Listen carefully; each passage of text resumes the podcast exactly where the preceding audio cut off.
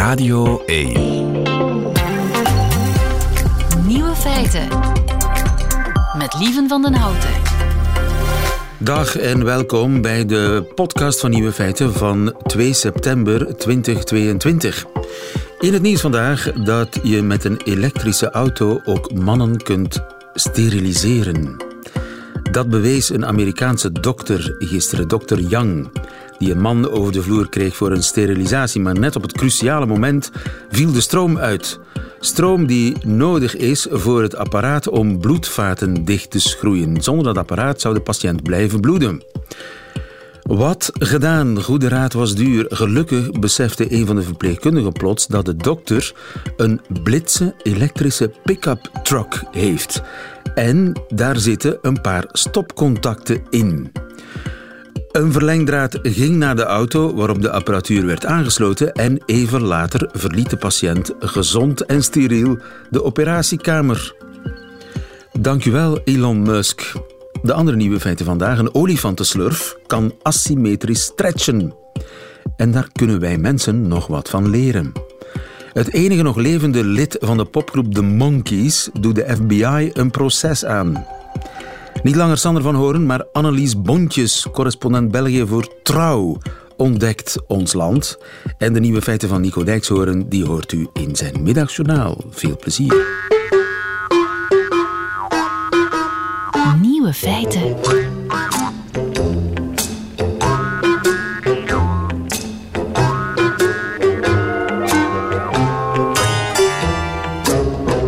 Een olifant die kan zijn slurf langer maken, uitrekken. Bijvoorbeeld om bij een appeltje te komen. En als hij dat doet, dan gebeurt er iets fascinerends. Dominique Adriaans, goedemiddag. Ja, goedemiddag. U bent eh, professor evolutionaire biologie aan de Universiteit van Gent. En het zijn collega's van jou die de architectuur van de olifantenslurf grondig bestudeerd hebben. En die hebben iets ontdekt dat er, ja, iets vreemds toch wel, als hij hem zo lang mogelijk maakt, zijn slurf. Ja, inderdaad. Uh, het is niet zomaar een buis die uh, eenvoudigweg verlengd wordt, maar men heeft nu gezien dat de bovenkant van de slurf meer uittrekbaar is dan de onderkant van de slurf. En op zich zou je zeggen van, ja oké, okay, wat is daar nu zo spectaculair of relevant aan? Wel, dat maakt de olifant uh, in staat om het tipje van zijn snuit daardoor te gaan ombuigen naar beneden, waardoor dat hij objecten kan um, gaan opgrijpen. Dus hij doet een asymmetrische stretch, als het ware. Ja, daar komt het inderdaad uh, overeen dat het dus uh, omgebogen wordt, omdat dus die huid anders opgebouwd is. Het zit vooral in de, in de grootte van de plooien in de huid.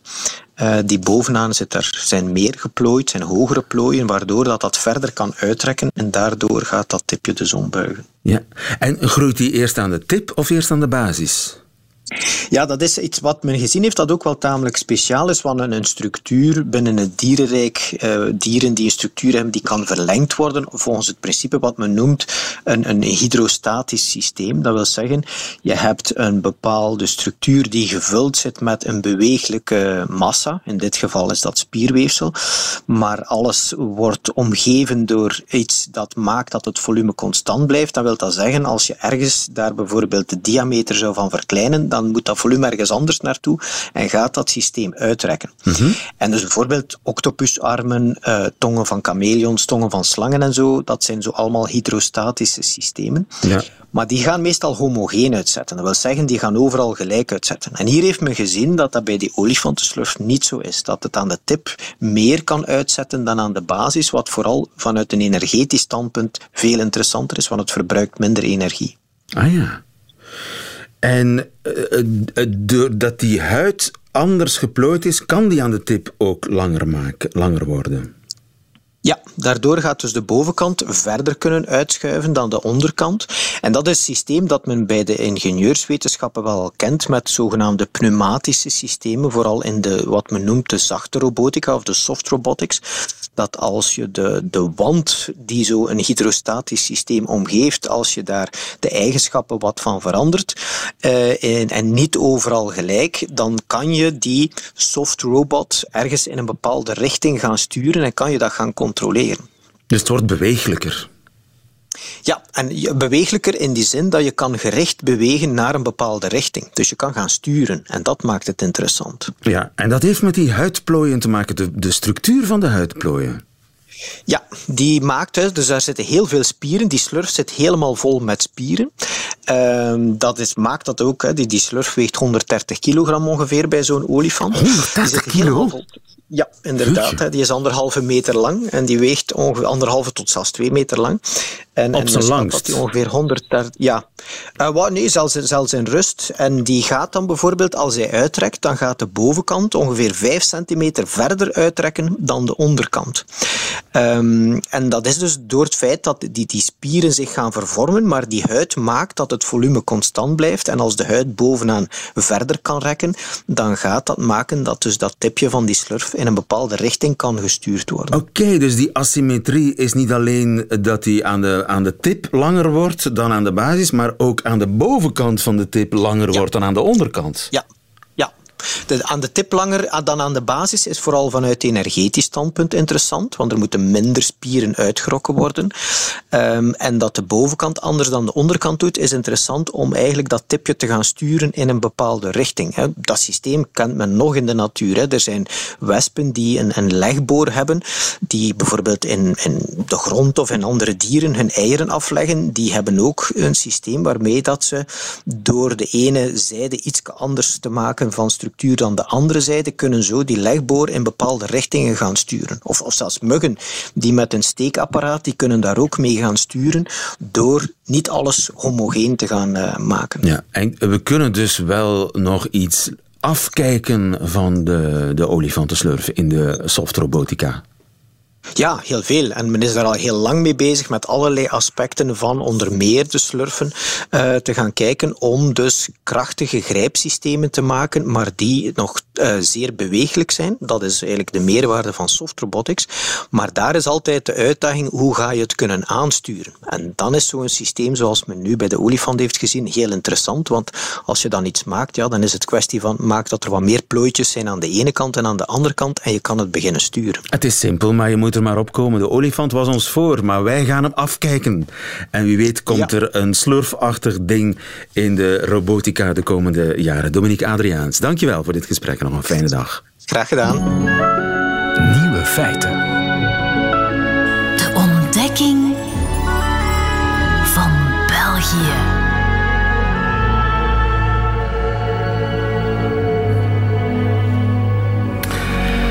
Niet door Sander van Horen, want uh, de voormalige NOS-correspondent in Brussel is diploma Vlaams onder de arm terug naar Nederland vertrokken.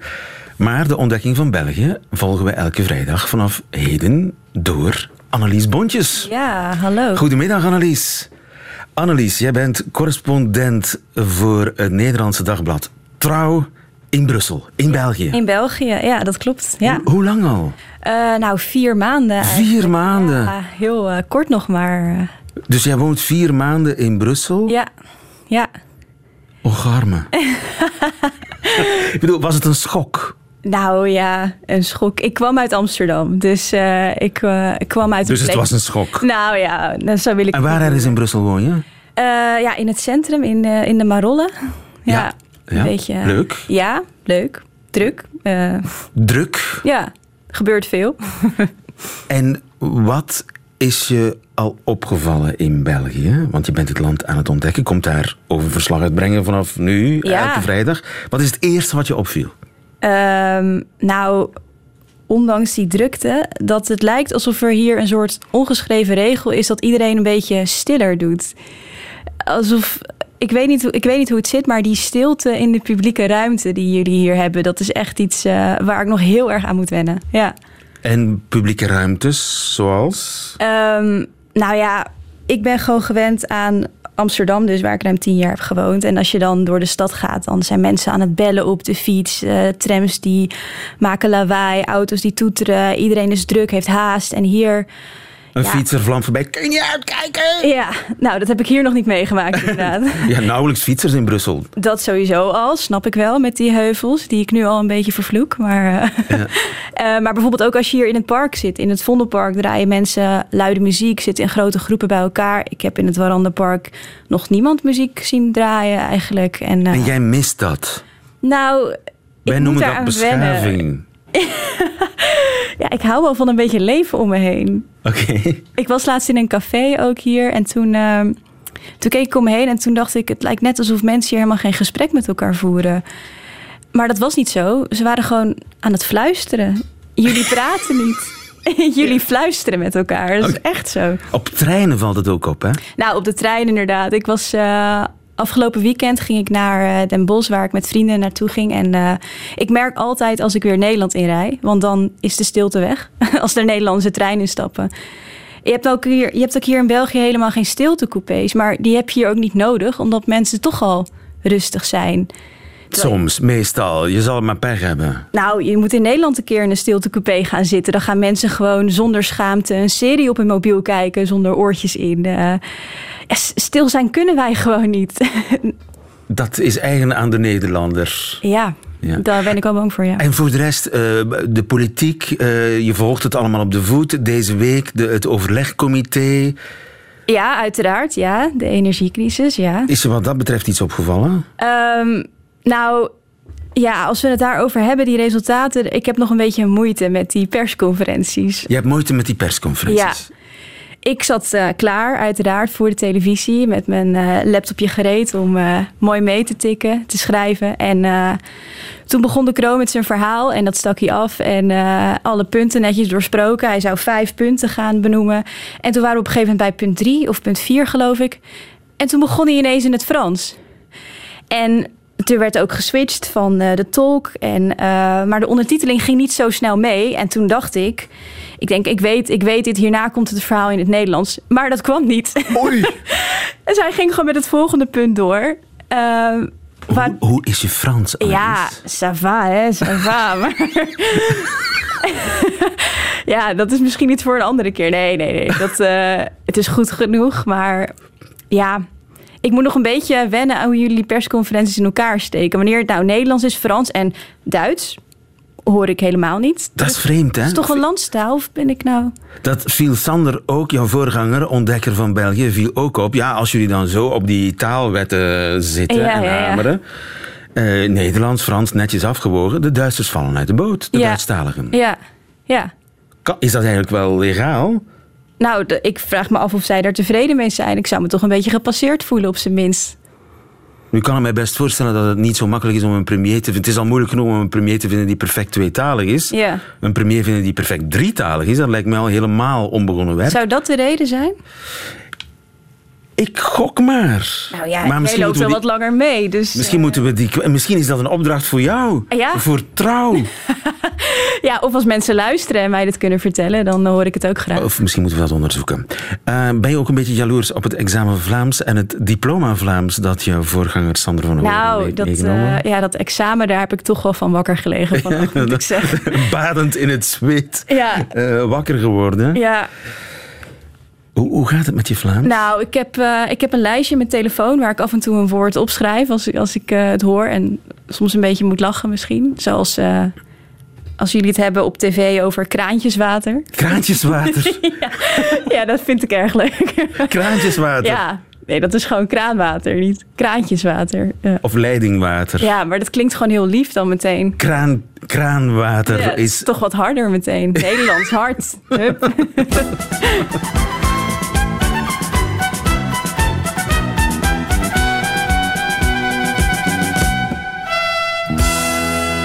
Vlaams.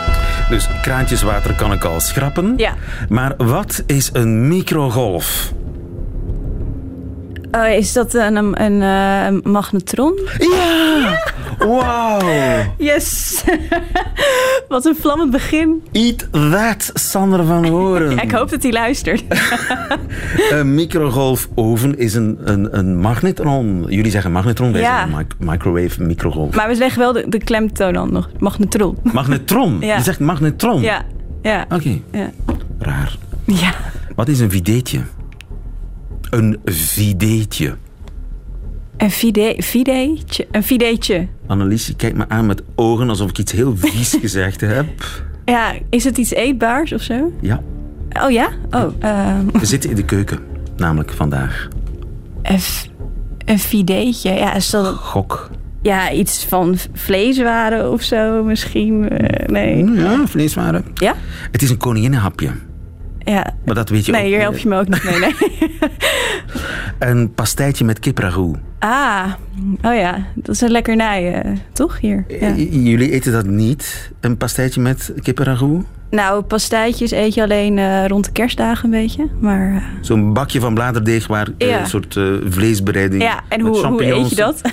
Ja, dat, hoe, hoe je dat eet? ja, Ja, je, snijdt, je snijdt het met mes en vork en je eet, eet het gewoon op.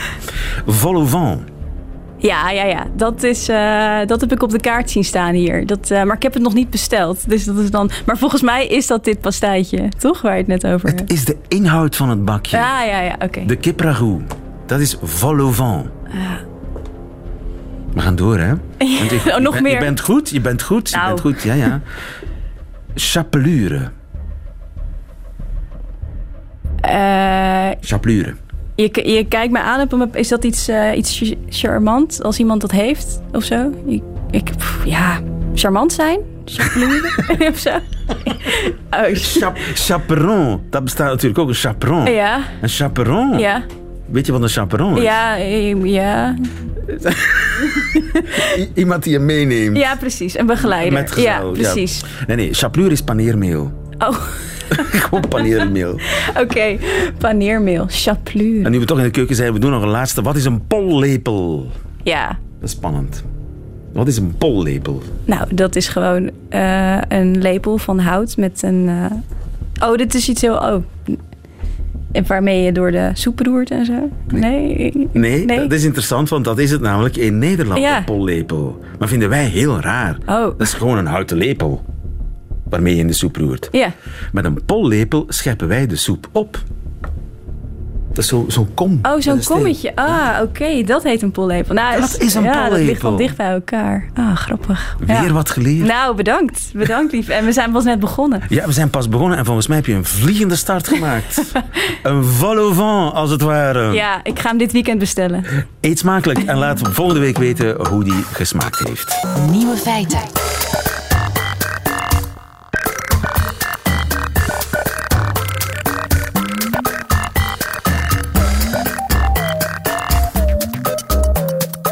We waren nog helemaal niet uitgepraat over die pollepel. Want ik vraag me dan af wat wij een pollepel noemen, hè, waarmee je de soep opschept. Ja. Hoe noemen jullie dat?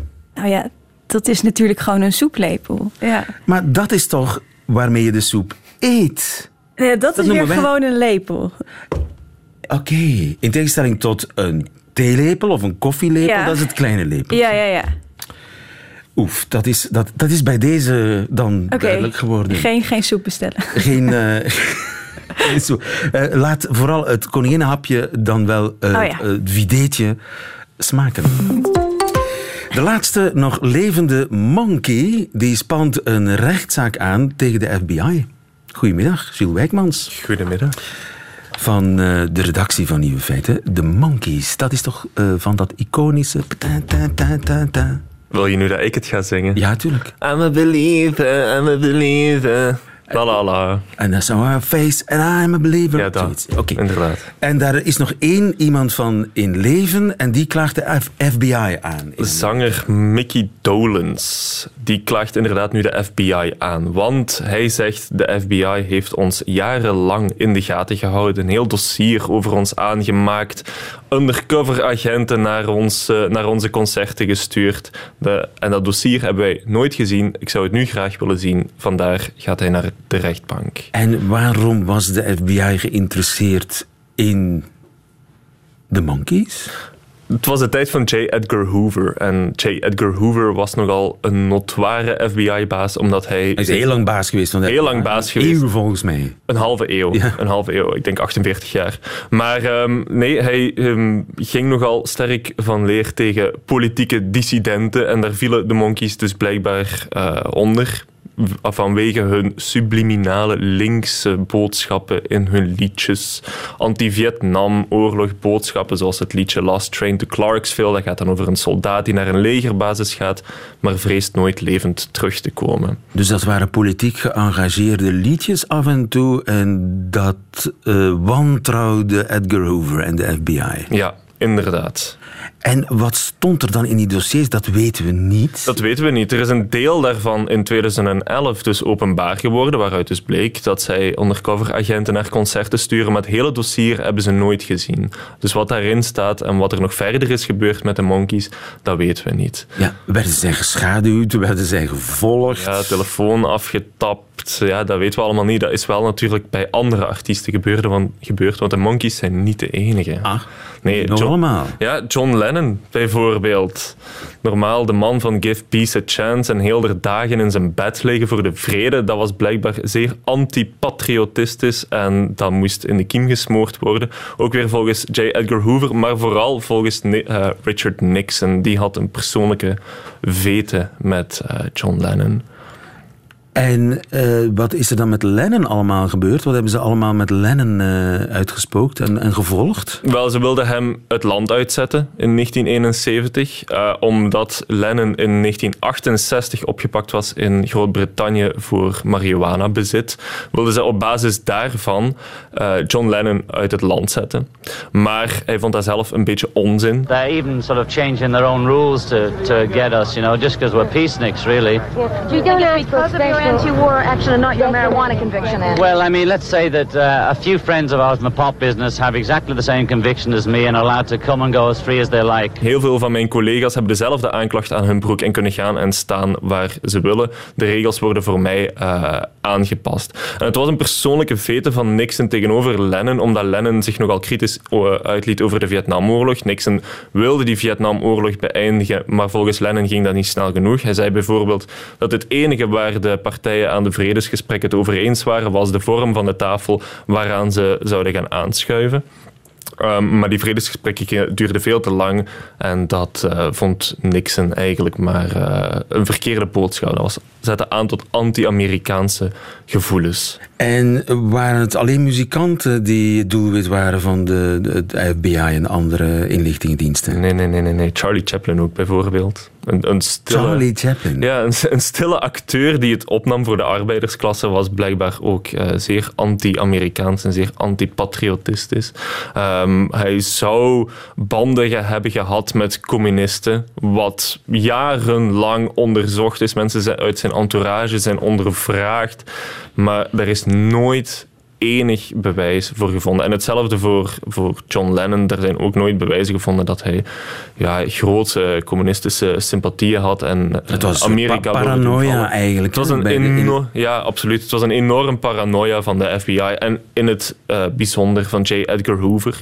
Want na zijn dood zijn ze daar eigenlijk mee gestopt. Is er ook een uh, maximumtermijn gezet op het aantal jaar dat je FBI-baas mag zijn. Hij is het een halve eeuw geweest. Nu mag dat maar tien jaar, omdat na zijn dood mensen er toch over eens waren dat het veel te lang heeft geduurd en hij zijn macht had misbruikt en dat dat nooit meer mag gebeuren. Dus vandaag de dag is er geen enkele artiest die nog gevolgd wordt door de inlichtingendiensten en de politie? Uh, jawel. Ah. jawel. Uh, ja, want op een bepaald moment kwam hip-hop op. En dat is natuurlijk dan ook weer, ja, dat komt ook vooral uit de Black Panther-beweging. En als we het hebben over uh, een beweging die het Amerikaanse establishment wil overhoop gooien, dan is dat er één van. Verschillende rapartiesten werden door de FBI in de gaten gehouden: Notorious B.I.G., Tupac, Wu-Tang Clan. Ik weet dat uw, oren, ogen nu aan het tollen zijn van al die onbekende namen.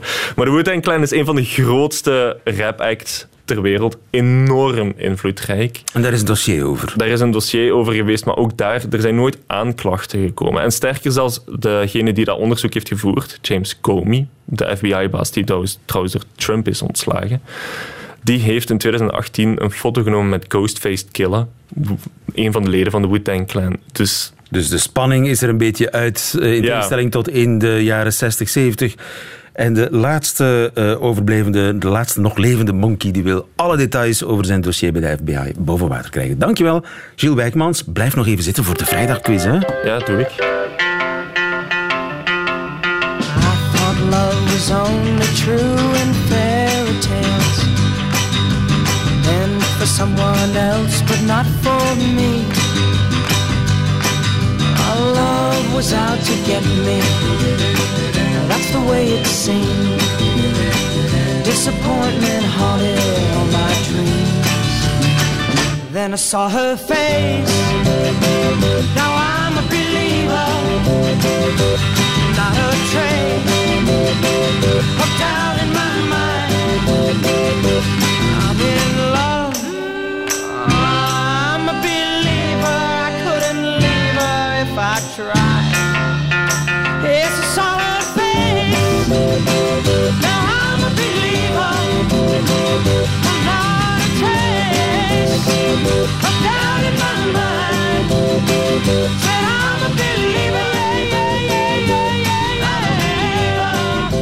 The Monkeys en hun eh, allergrootste hit I'm a Believer.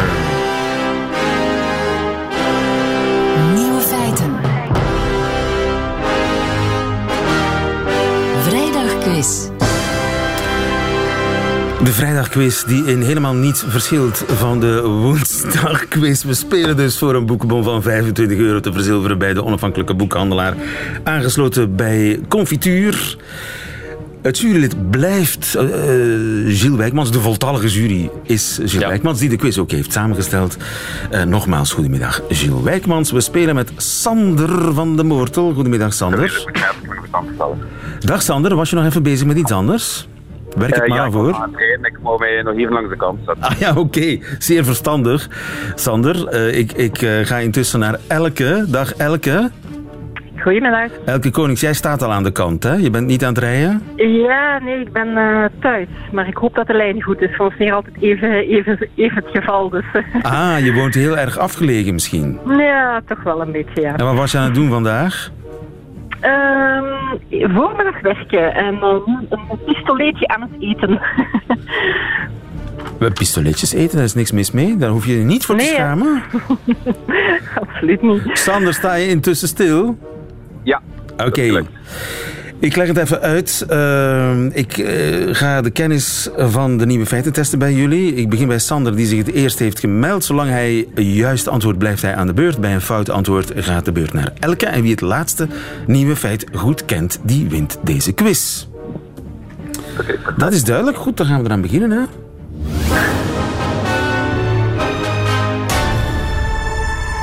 Tot welk product zouden turbines van windmolens kunnen worden gerecycleerd? A. Vegetarische hamburgers. B. Gummibeertjes. C. Roomijs. Sander, wat denk je? Geen idee. C. C. Fout. Elke. B. Dat is helemaal goed. Wauw. Absoluut, helemaal juist. Gummibeertjes. Inderdaad. Zijn- Van gemalen windmolens. Da- daar komt het wel een beetje op neer. Het zijn Amerikaanse onderzoekers en die hebben een nieuw soort hars ontwikkeld waarmee turbines van, voor windmolens geproduceerd kunnen worden. Het voordeel van dat nieuw soort hars is dat het heel goed gerecycleerd kan worden, want turbines die komen nu vaak terecht op de vuilnisbelt. En deze nieuwe turbines zouden gerecycleerd kunnen worden tot een nieuwe grondstof die dan weer gebruikt kan worden in snoep of sportdrankjes. Ik kan niet wachten. Vraag 2 voor jou, Elke. Want wat doen apen op Bali met stenen? A. Ruilen met toeristen voor voedsel. B. Bomen kappen om schuilplaatsen mee te bouwen. C. Masturberen. C, denk ik. Dat is helemaal goed. Gilles. Ja, dat was de makkelijkste gok, denk ik, in heel deze quiz. Het zijn Canadese onderzoekers en die zagen op een bepaald moment in Bali eh, apen die stenen over hun genitaliën aan het wrijven waren. Voornamelijk jonge mannelijke apen, by the way. Ehm, en ze vroegen zich af, waarom doen die dat? Want er is geen enkel nut aan verbonden. Normaal gebruiken apen stenen om noten open te kraken, et cetera. Maar het enige nut wat ze hier uithaalden volgens die onderzoekers was plezier. En het zijn dan ook vooral jonge mannelijke apen en die doen het wanneer ze in een seksueel geladen situatie zijn, zoals een soortgenoot zien flirten met een partner. Don't try this at home. Nee, nee, zeker niet. Elke vraag 3 is ook voor jou. In New York is een wet goedgekeurd die zegt dat je minstens 21 moet zijn om een bepaald product te kopen. Welk product is dat? A. Slagroom. B. Een frietketel. C. Potloodslijpers. Mm, B. Fout! Ja, Sander evident. komt terug in de wedstrijd. Eh, A. Dat is helemaal goed. Ja, Gilles, ik denk, ik, dat had ik ook geweten volgens mij. Ja, want daar zit lachgas in. Ah, voilà, dat is inderdaad de uitleg. Je moet 21 jaar oud zijn en je identiteitskaart mee hebben wanneer je slagroom koopt in een New Yorkse winkel. Vraag 4 voor Sander. Make or break vraag. Eh, als je deze vraag eh, goed hebt, dan win je deze quiz.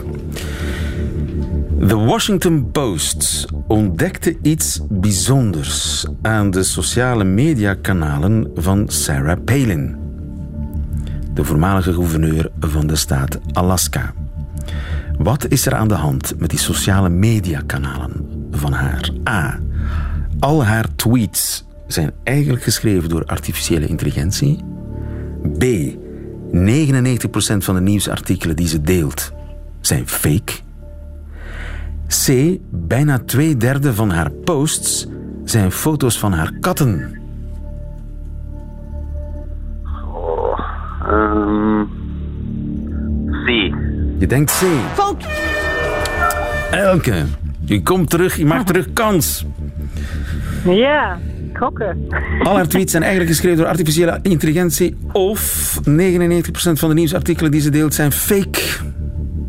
Kan volgens mij beide, maar... Ehm, ik ga voor B. Dat is helemaal goed. Absoluut. 99% van alle links naar externe bronnen die ze deelde waren fake nieuws. Eigenlijk waren het ook links naar haar eigen nieuwswebsite. 99%. Maar het, het statistiekje wat misschien ook het meeste verbaast is dat wanneer je de links kijkt die alle republikeinen delen op hun sociale media, dat 12% daarvan fake blijkt te zijn wanneer je Sarah Palin er niet bij betrekt. Betrek je haar er wel bij, dan stijgt dat eh, cijfer naar 36%. Ja. Sander, helaas geen eh, boekencheck voor jou van 25 euro, want die check die gaat naar onze winnaar.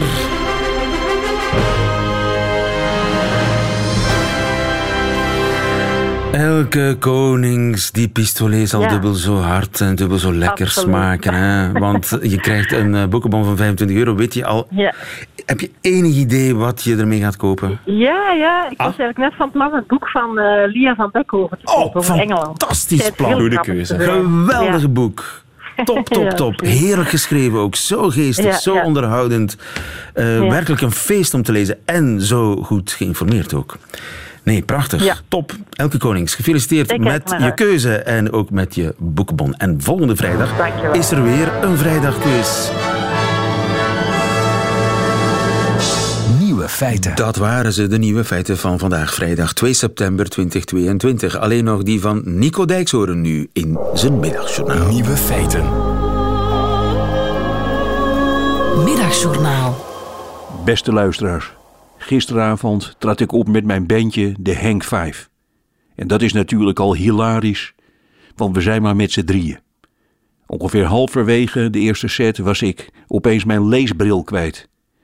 Sinds ik met mijn kop op de televisie ben geweest, verwachten mensen dat ik ook iets voorlees tijdens optredens. Het is niet heel erg rock and roll. Ik heb daarom te doen met Herman, de drummer van de band, en Fred, de bassist. Die dachten natuurlijk in een lekker recht vooruitspelend bandje te zitten. En nu moeten zij opeens vijf keer per optreden net doen alsof ze zitten te genieten als ik een gedicht voorlees. Dat ik mijn bril niet kon vinden, zal voor hun daarom pure winst zijn geweest. Ik zocht op het podium met mijn reet naar het publiek naar een bruine leesbril. Het voelde alsof ik in een cartoon zat. Zonder bril zoeken naar je bril is een beetje hetzelfde als de man die zittend op een tak de tak doorzaagt waar hij zelf op zit. Maar nu komt het, luisteraars. Ik hoorde opeens iemand heel hard hier roepen. Ik zocht net achter mijn versterker naar de bril. Ik keek om En ik zag een vrouw van om en nabij 60 jaar vlak voor het podium staan. Zij hield een bril omhoog. Ik mocht haar leesbril lenen. En daarna gebeurde er veel tegelijk. Eerst voelde ik een golf van liefde voor die vrouw. Ik wilde bijna dank u mama zeggen. Ik stond op en ik liep naar haar toe. En nu, nu komt het moment waar ik mij voor schaam. Ik keek ondertussen naar het montuur. Paste dat wel bij mij? Zo is het, luisteraars. Zo'n man ben ik. Een beetje de gevoelige jongen uithangen in deze middagjournaals. Maar als het erop aankomt, dan vind ik het blijkbaar heel belangrijk dat ik vooral een leuke leesbril op mijn neus heb. Het was een rode leesbril die mij werd aangeboden. Een hele smalle. Ik weet niet precies waarom het is, maar vrouwen die kinderboeken schrijven over een heel raar konijntje luisterend naar de naam Plukkie Pluk, die dragen ook vaak dat soort brilletjes. Ik twijfelde. Moest ik, Nico Dijkshoorn, koning van de moderne leesbril, mijn volgende gedicht gaan voorlezen met de bril van een kinderboekenschrijfster op mijn neus? Luisteraars, ik werd gered door de bel. Mijn drummer vond de bruine bril vlak voor zijn bassdrum.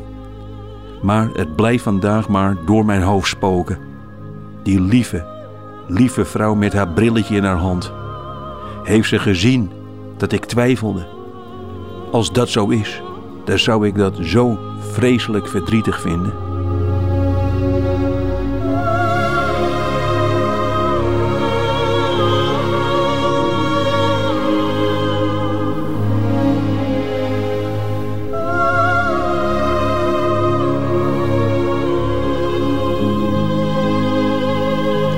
Nico Dijkshoorn in het middagjournaal. Waarvoor grote dank. Einde van deze podcast. Hoort u liever de volledige uitzending van Nieuwe Feiten? Dat kan natuurlijk ook via radio1.be of de Radio 1 app. Tot een volgende keer.